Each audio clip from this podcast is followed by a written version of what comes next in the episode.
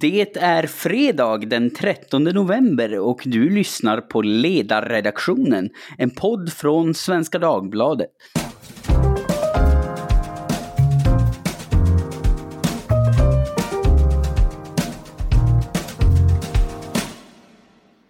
Eh, jag heter Jesper Sandström och idag eh, så ska vi inte ha det så roligt här i podden. Eller jo, det ska vi, men vi ska prata om en bok med ett hiskeligt grådassigt omslag och titeln Så roligt ska vi inte ha det, en historia om svensk alkoholpolitik.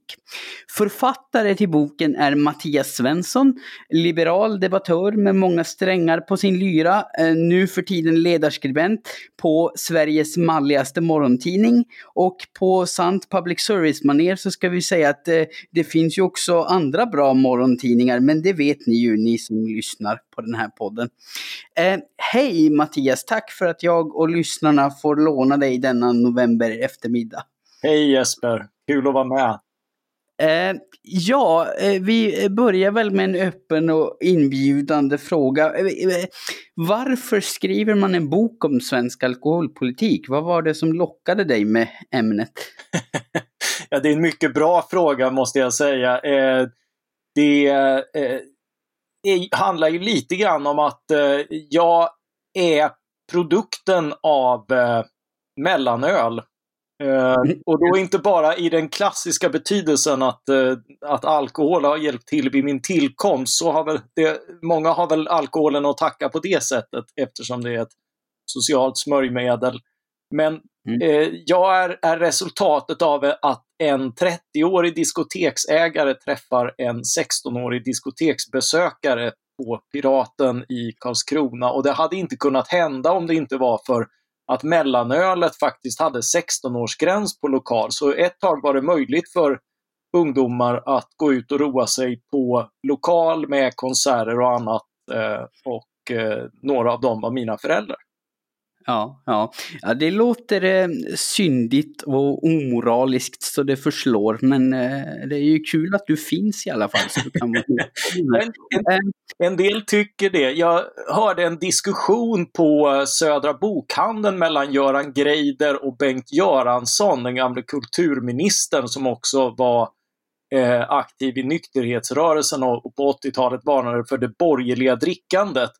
Eh, men han eh, sa det att, eh, vid något tillfälle att ja, det nyliberala förfallet i Sverige det började egentligen med mellanölet och jag skrockade för mig själv och tänkte att du vet inte hur rätt du har.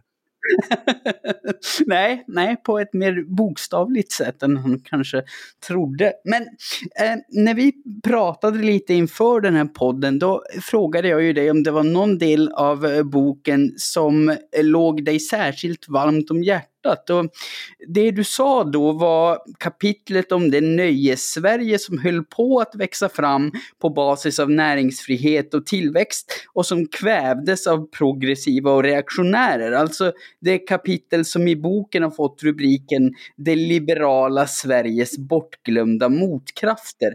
Kan du berätta lite mer om det?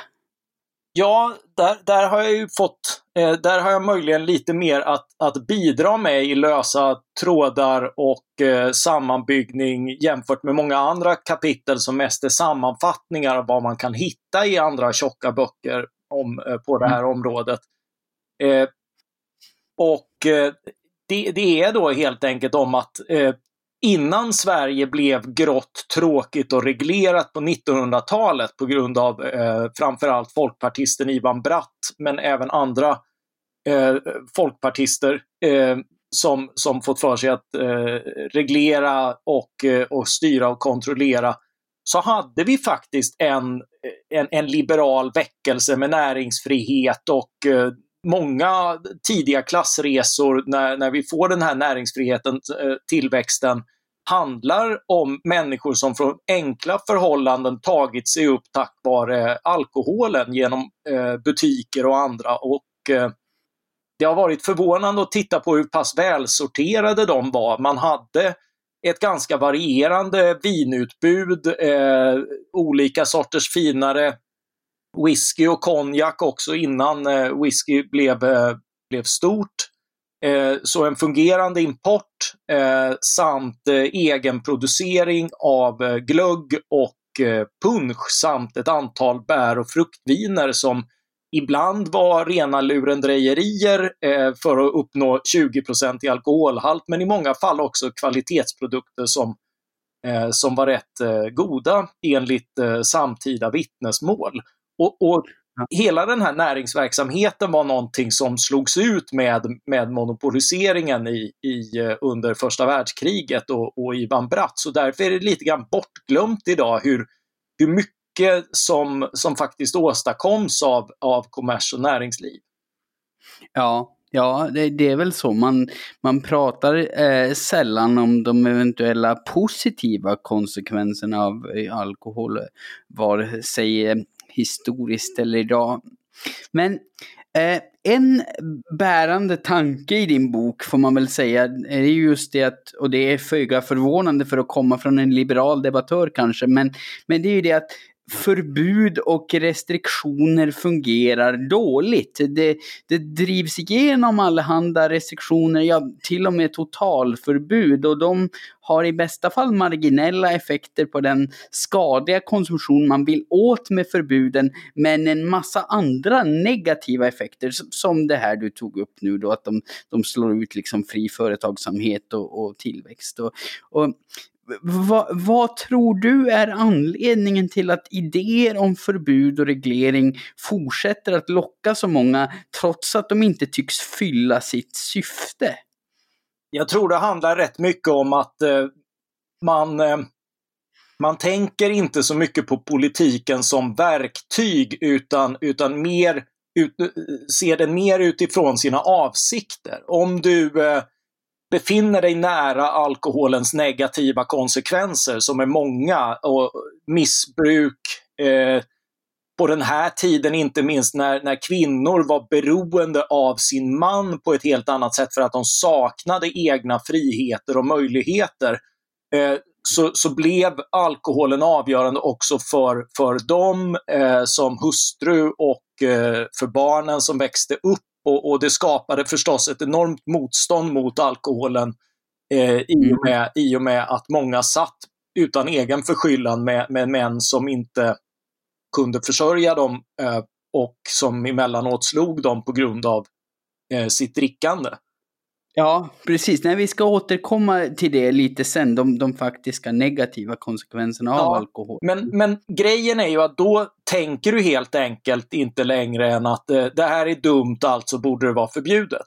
Uh, mm. Och eh, framförallt i demokratins barndom finns eh, starka progressiva strömningar. Man tror väldigt mycket på människans förbättringspotential att, att kliva mot en bättre framtid. Det finns ambitioner att, att lyfta vanligt folk eh, mm. med rösträtt och, eh, och annat som ju är helt rätt, men som också får kanaliseras genom en enorm tilltro till politikens möjligheter att lyfta människor genom att lagstifta om rätt moral och förbjuda det som är dumt. Och, och alkoholförbudet som kommer i USA, liksom i våra grannländer Norge och Finland, är liksom närmast det arketypiska exemplet på det, därför att det, det kanaliseras genom så stora förhoppningar. Man tror sig med detta åstadkomma tomma fängelser och ett slut på brottsligheten och, och en lösning på ekonomiska kri kriser och knapphet. Allt kommer att bli bättre om människor bara slutar dricka. Eh, ja. och, och liksom effekterna man får av alkoholförbudet är, är närmast pedagogiskt totalt tvärtom. Du får, eh, när du förbjud, försöker förbjuda nöjesmedel som människor ändå tycker om, eh, så, så kommer de att skaffa sig det på annat sätt. Du får en 100% illegal marknad, du får en koncentration av, av starkare preparat, man dricker sprit istället för, för vin och öl. Eh, och spriten är av varierande kvalitet och där man inte ens har det så dricker man substitut. Inte minst i Norrland där uppe där du sitter där man praktiskt i praktiken eh, i stora områden hade förbud så blev eter populärt till exempel. Eh, och och eh, droppar av olika slag eh, såldes av, eh, av apotekare och när man väl förbjudit det så fick man ransonera hårvatten vatten och cologne därför att folk berusade sig på sånt. Ja, ja, folk eh, vill supa helt enkelt, verkar det som. Eller berusa sig på annat vis. Eh, men du skriver ju också ett äh, kapitel om alkosexism, det vill säga hur alkoholpolitiken på ett sexistiskt sätt har drabbat kvinnor. Kan, kan du brodera ut lite kring det? Ja, eh, det finns ju med viss rätt eh, från högerhåll en kritik mot, eh, mot mycket av genusforskning och, och feminism vid universiteten.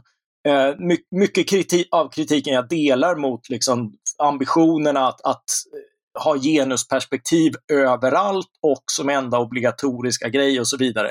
Men det ska sägas till eh, intersektionalitetens och genus, genusforskningens försvar att inom alkoholområdet är det ofta här man hittar de mer, eh, den mer fruktbara kritiken mot, eh, mot restriktionssystemen och det finns avhandlingar och annat om hur eh, under motbokssystemet att, att kvinnors överklaganden beaktas inte i samma utsträckning som män. De ses inte som, som liksom beslutsfähiga. Att att de säger emot antas bero på att de är känslosamma och så vidare. Och, eh, och man spelar också på fördomarna mot kvinnor för att få alla att dricka mindre. Eh, så eh, man, man förstärker fördomar om att den, den som till äventyrs skulle stå och dricka i en bar och är kvinna är, är förstås prostituerad och fullkomligt depraverad. Så det kan vi inte tillåta eh, om, om man spelar även på andra fördomar om, eh, om, om, kvinnor eh, på ett diskriminerande... Sen, sen, var ju hela brattsystemet en institutionaliserad eh, diskriminering i och med att det var mannen som ansågs eh, sitta på hushållets ranson. En gift kvinna hade ingen egen ranson utan hon, hon var beroende av mannens ranson och, eh, och en ogift kvinna hade en mycket mindre ranson. Så även på det sättet så hade man institutionaliserat en, en ojämlikhet. Eh, och, och eh, det ska ju sägas att eh, det finns ett antal forskare då som har gått igenom i modern tid och även i modern tid finns i kommunikationen och annat en mycket större besatthet vid kvinnors drickande och det problematiseras mycket mer än, än mäns drickande, att, eh, att en kvinna eh, exempelvis dricker och vill ha sex ses nästan alltid som negativt och farligt. Och, och myndigheter och andra har till och med på 2000-talet haft rent hederskulturella teman som att din dotter är fortfarande oskuld, eh, men, men det är, hon kommer hon snart inte att vara på grund av vinflaskan du langade. Förstås då till två killar som fyller henne, för hon kan ju aldrig tänka sig att vilja dricka själv eller ha sex av egen vilja. Nej, nej, precis. nej det, är ju, det är ju tämligen bisarrt och det, det, visar väl att man, man kan komma undan med ganska mycket när man, när man så att säga gör det för, för någons skull, för någons bästa. Då kan man dra till med ganska Ja, det är, lite grann, det är lite grann det det här området illustrerar. Vilka enorma friheter politiker tar sig eh, och beslutsfattare så fort någonting anses viktigt. Ehm, och alkoholen har då varit under stora delar av 1900-talet den, den absolut viktigaste frågan. Vi har varit fullkomligt besatta av att utreda och, och reglera och sådär. Många utredningar har tagit 8-10 år på sig för att utreda just eh, hur alkohol ska regleras och hur människor ska hindras från eh, att dricka och roa sig.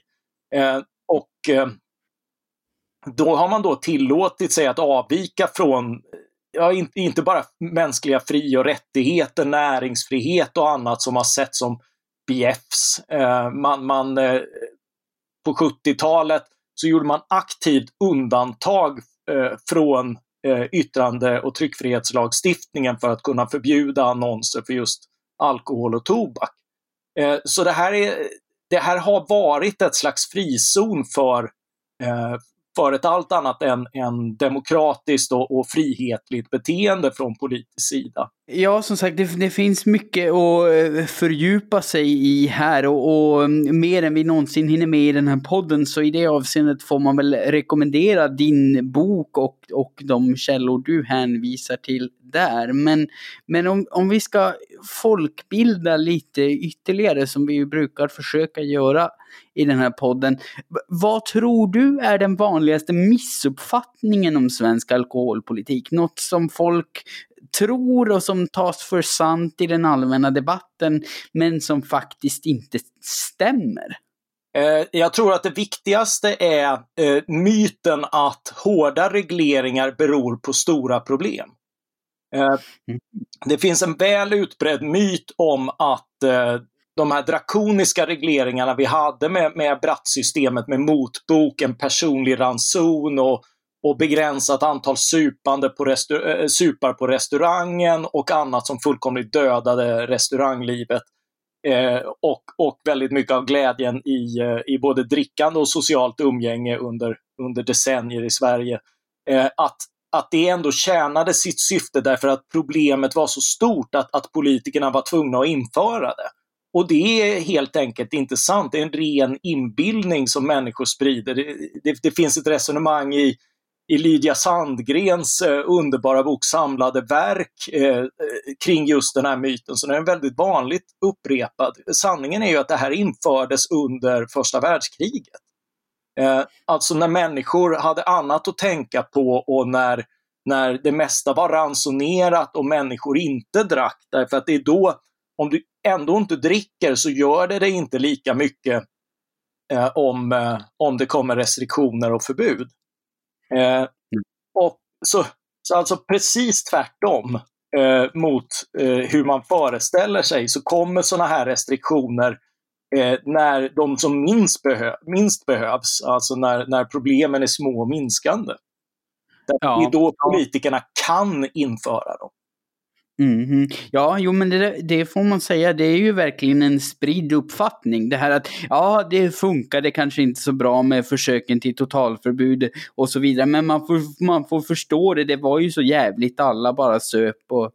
Um, ja, och, och, där finns ju också en, en uh, nyansering att göra som, som uh, kopplar tillbaka till mitt första kapitel. Man höll på att ändra på hur man drack redan uh, då i slutet på 1800-talet.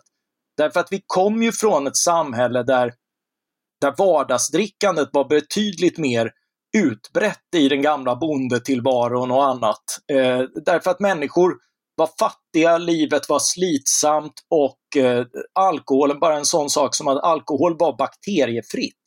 Och det fanns mm. inte direkt bakteriefritt kranvatten att vrida på om du ville ha, utan då fick du chansa på att brunnen var hyggligt ren eller, eller vattnet från bäcken, vilket det inte alltid var. Eh, och du behövde ha i dig kalorier, vilket är svårt att och, eh, föreställa sig för, för seriebantade storstadsbor idag.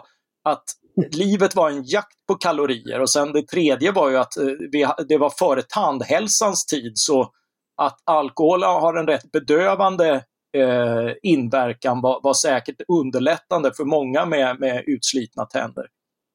Mm. Eh, så eh. all, alla de anledningarna till att dricka var på väg att försvinna i slutet på 1800-talet. Eh, och man fick samtidigt ett mer rekreativt drickande i storstäder, på restauranger, i nöjesliv, på krogar och arbetarklassen som höll sig till sprit fick i alla fall renad sprit tack vare L.O. Smith, ännu en sån där klassresenär från mycket enkla förhållanden och från mitt kära Blekinge.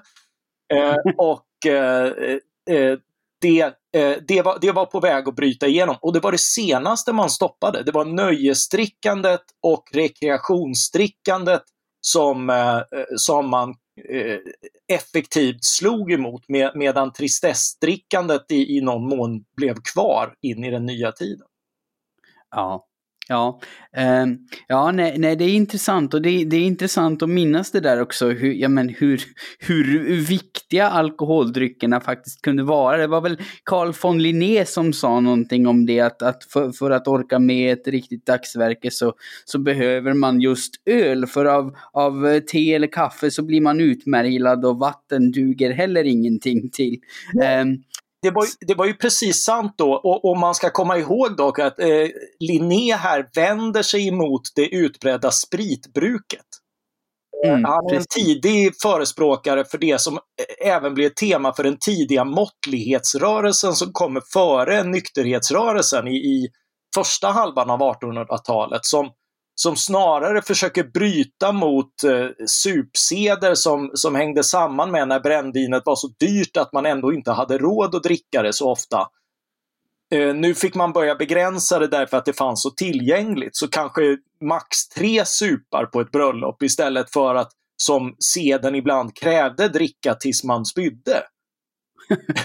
ja, och, och, ja. och, det kan jag hålla med om är en rätt rimlig, och plus sådär liksom dricka öl och vin istället för sprit, eh, starksprit eh, och, och, annat. Eh, det, det, det, är också någonting som eh, som i och med de här hårda regleringarna hindras därför att det är på väg att växa fram med, eh, med alla de näringar man, man slår ihjäl i början på 1900-talet. Och så handlar brattsystemet just om sprit därför att eh, vinet förbehölls en överklass och en akademisk klass.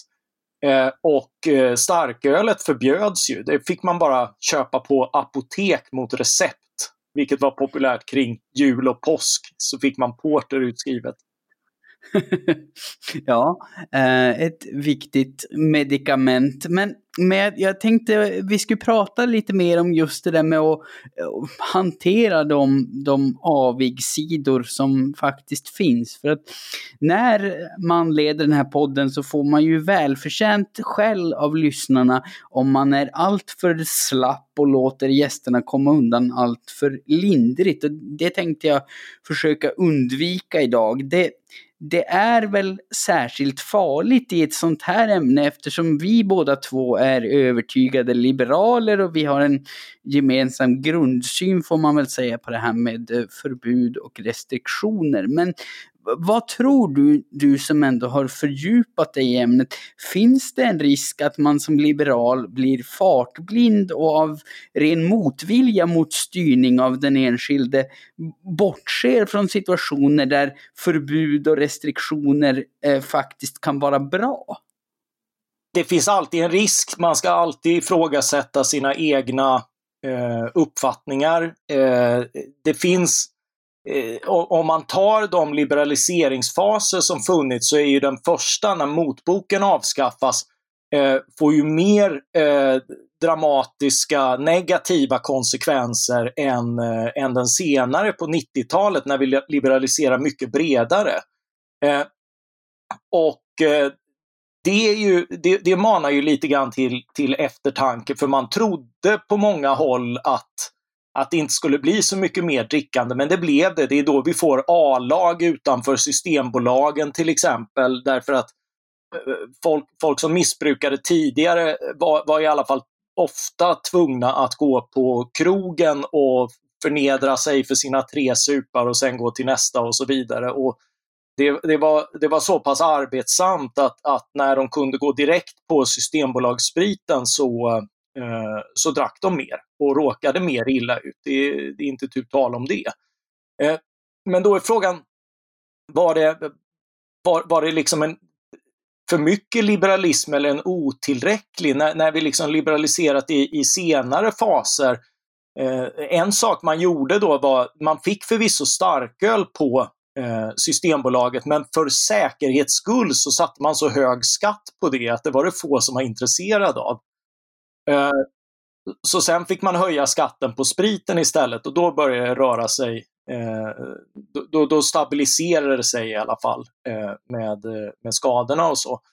Men då, då är ju frågan liksom, har man gjort tillräckligt eller inte? Men, men så problemen ska man absolut inte blunda för, men bara för att det finns problem så betyder ju inte det att en, en hård politik är lösningen väldigt ofta så ser vi att människor som missbrukar är ju de som råkar allra mest illa ut av de allra hårdaste restriktionerna. Eh, om vi tar Norrland återigen, det är där man är hänvisad, om man verkligen vill berusa sig, eh, så var man hänvisad till starksprit i bästa fall och ännu farligare substitut som, som eter och hårvatten och annat i andra fall. De som väljer det är ju de som verkligen bara vill berusa sig. Uh, och och, där, uh, och du har också liksom en, en motsvarande polarisering i samhället. Människor, när det blir en stark moralisk fråga så hamnar människor utanför. Så utöver att liksom ha problem med ditt drickande så har du problem med att du hamnar utanför samhället. Du blir stigmatiserad och, eh, Eh, och i vissa fall eh, mer eller mindre kriminalisera, Därför att det var ju eh, det var ju uppdragen med nykterhetsnämnderna och andra. Där finns ju en likhet med, med det narkotikaförbud vi har idag. Det kanske skyddar en och annan från att hamna i missbruk.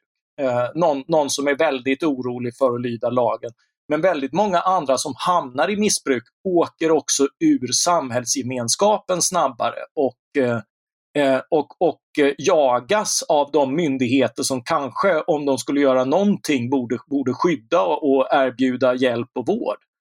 Eh, och och den, den aspekten kommer först senare. Plus att den här repressiva staten har, har blinda fläckar. Om vi åter till sexismen så är det, så är det alltså först på 60-talet som det börjar liksom uppmärksammas att kvinnor också är missbrukare.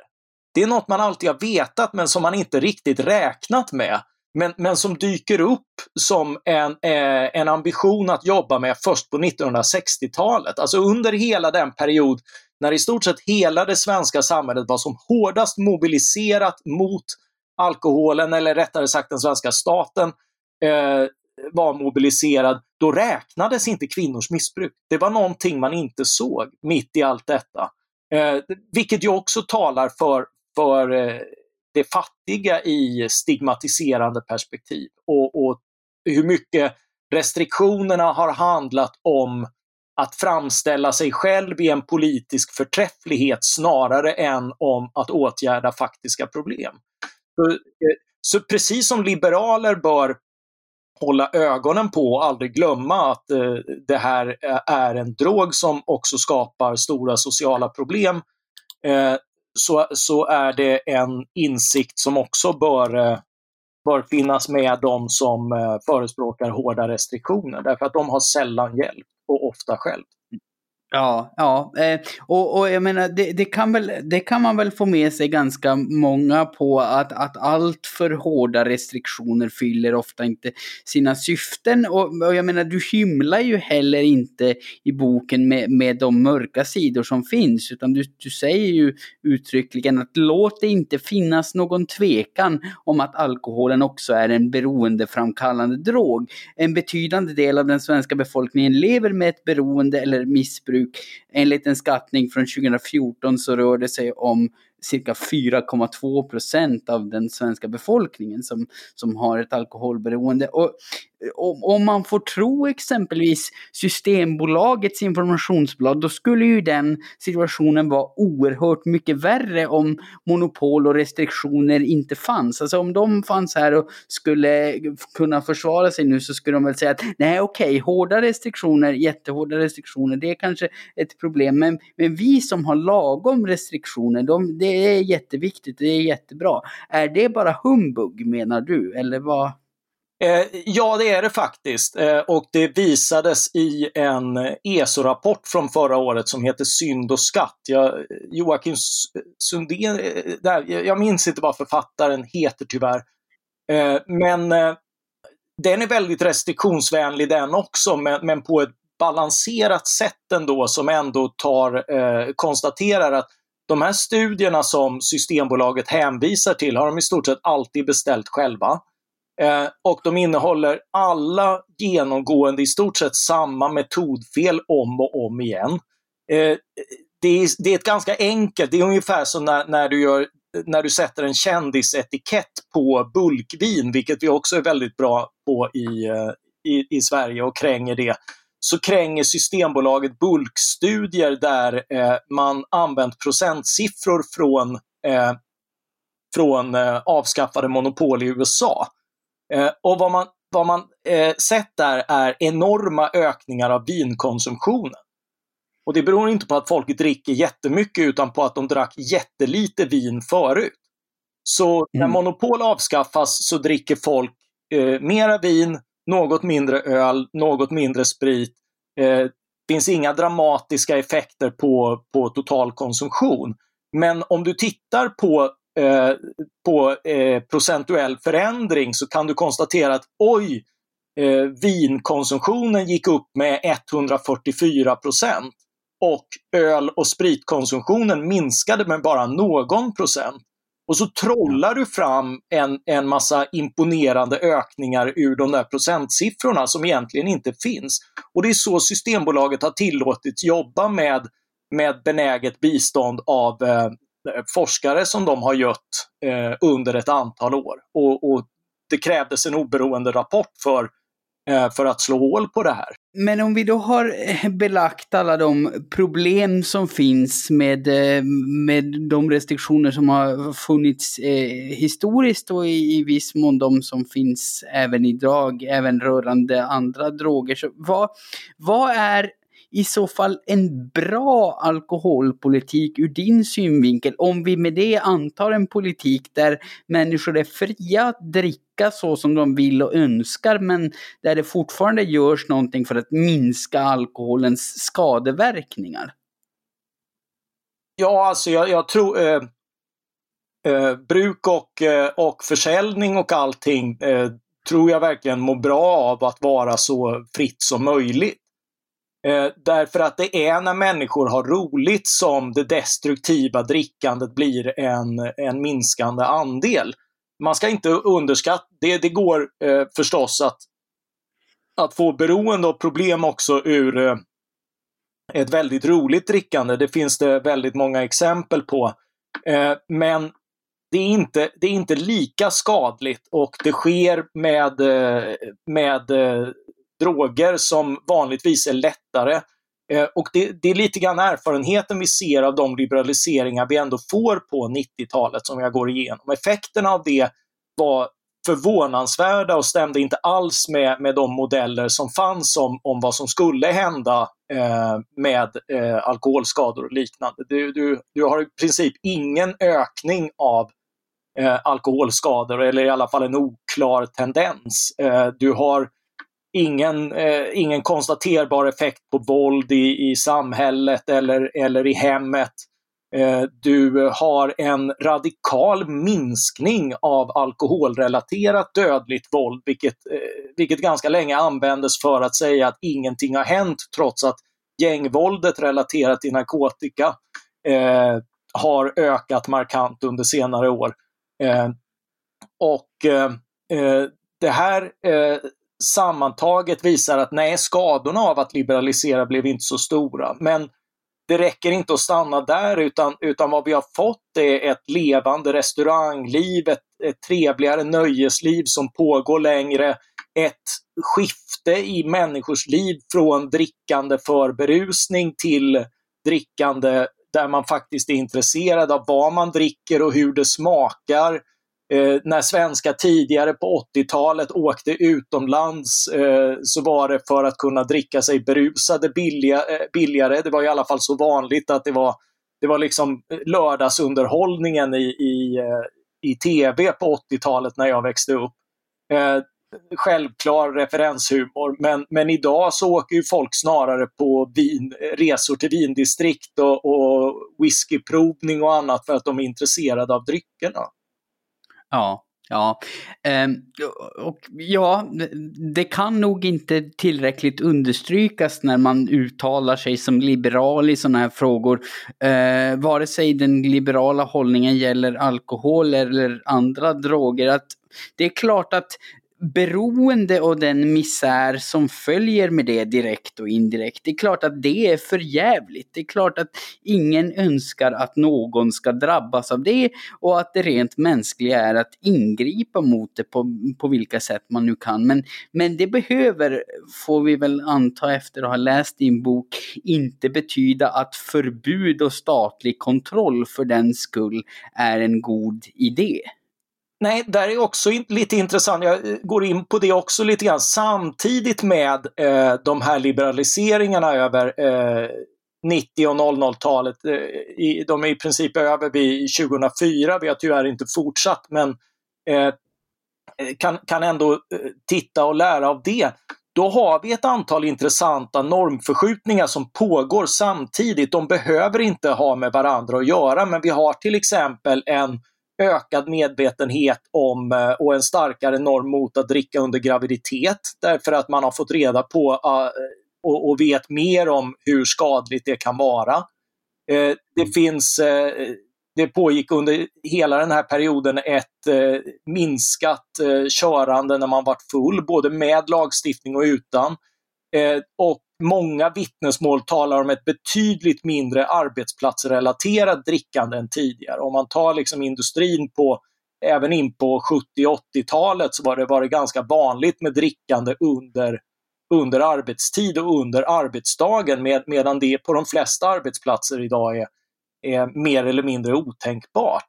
Eh, så du har mm. fått en, en betydligt, betydligt starkare normer mot olämpligt drickande under en period av större politisk frihet kring drickande och jag tycker att det, det är verkligen värt att accentuera att det hör ihop.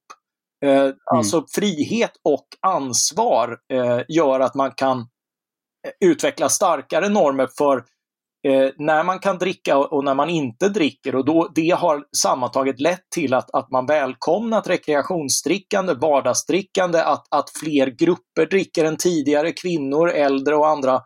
Eh, man unnar sig ett par glas vin till maten och liknande. Men att, eh, att drickande i olämpliga sammanhang samtidigt har, eh, har setts som mer problematiska än tidigare. Ja, ja det, det låter ju onekligen hoppfullt för en liberal. Eh, och med det sagt så får vi väl börja avrunda för dagen om du inte känner att du har något som du bara måste tillägga.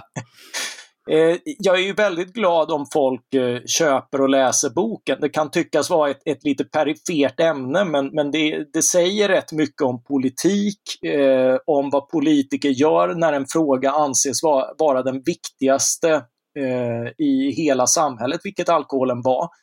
Eh, ja. Både för att jag gillar böcker och för att jag är svag för eh, att, att folk läser det jag skriver så, så vill jag ju gärna att den den, den också blir läst. Så det får man gärna göra.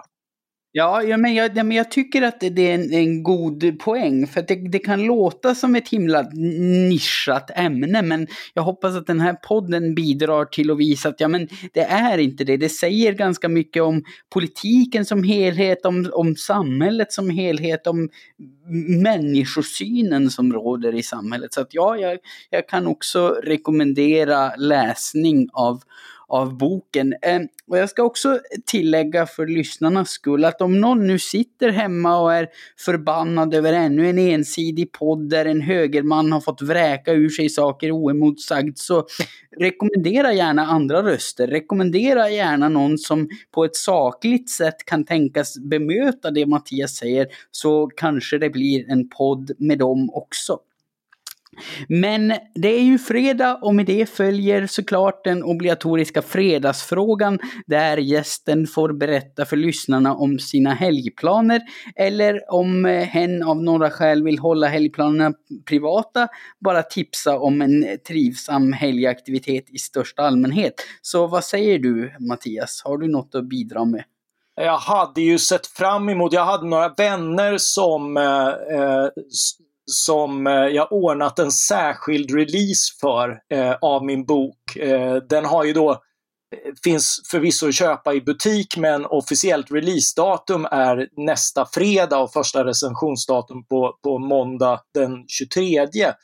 Eh, så lite grann en, en smygrelease för nära vänner. Vi skulle ses där vi brukar så träffas eh, och dricka innan AIK-matcher som vi då av naturliga skäl inte kunnat gå på men nu skulle vi äntligen få ha en, eh, en liten övning, trodde vi. Men eh, med det extra pandemiläget så blev vi tvungna att konstatera att så roligt ska vi inte ha det. Eh, och, och, det har ju varit lite förbannelsen av den här boken att liksom, det, vi höll ju ut med den för att den förtjänade en eh, releasefest men, men så blev det inte. Den får få en efterfest istället och, och det, det får jag se fram emot. Så imorgon ska jag istället cykla runt eh, Stockholm eh, med ett par exemplar till dem jag skulle ha träffats och druckit öl med. Det är väl mina närmaste helgplaner. Ja, ja men det, det, låter ju ändå angenämt och ja, titeln blev i dessa tider med införda utskänkningsrestriktioner och så vidare nästan lite kuslig. Eh, så roligt ska vi inte ha det. Ja, det är en, perfekt, det är en lite för perfekt novemberbok, men det är rätt kul att läsa om folk som haft tråkigt. Ja, ja, jo, jo men faktiskt, det, det har du rätt i. Och eh, vad gäller mina egna helgplaner här i, i Norrland så har vi blivit lovade grått och tråkigt väder så för min del blir det nog en riktig innesittarhelg i sällskap med min bättre hälft. Vi isolerar oss så gott vi kan från omvärlden. Och Eh, jag brukar ju också rekommendera en kulturupplevelse så här på fredagarna. Och häromveckan så pratade jag om ACDC's senaste album Power Up som till sist släpptes just idag. Och det var precis så bra som man kunde hoppas på och är en påminnelse i dessa kaotiska tider om att vissa saker är precis så som de alltid har varit. Den lilla svaga konservativa rösten i mitt eh, liberalkonservativa bröst eh, myser över att de låter precis som de gjorde 1980. Och eh, jag klipper in ett litet utsnitt här efter eftersom jag på fredagarna lajvar kulturkofta om jag bereds tillfälle. Jag vet inte om kulturkoftor får lyssna på ACDC, men här kommer de i alla fall. With all the bad intentions.